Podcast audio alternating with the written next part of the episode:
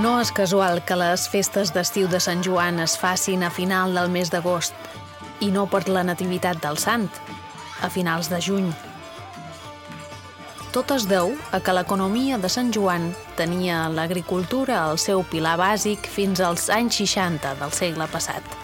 I el cereal, amb el seu cicle, determinava que a finals d'agost la gent ja havia acabat les feixugues tasques de segar i batre i, per tant, hi havia més temps per a la festa i la bulla.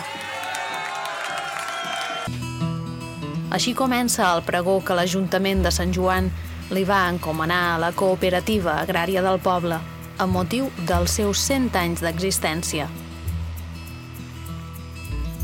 Joan Roig Abraham, el seu cooperativista més jove, va ser l'escollit de posar veu al pregó.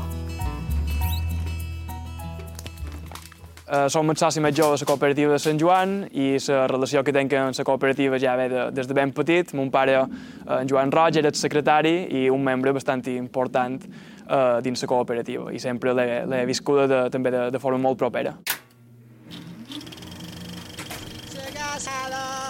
El pregó, llegit per en Joan, resumeix a la perfecció el paper que ha jugat el món de la pagesia per configurar el caràcter, els costums i les tradicions de les Balears.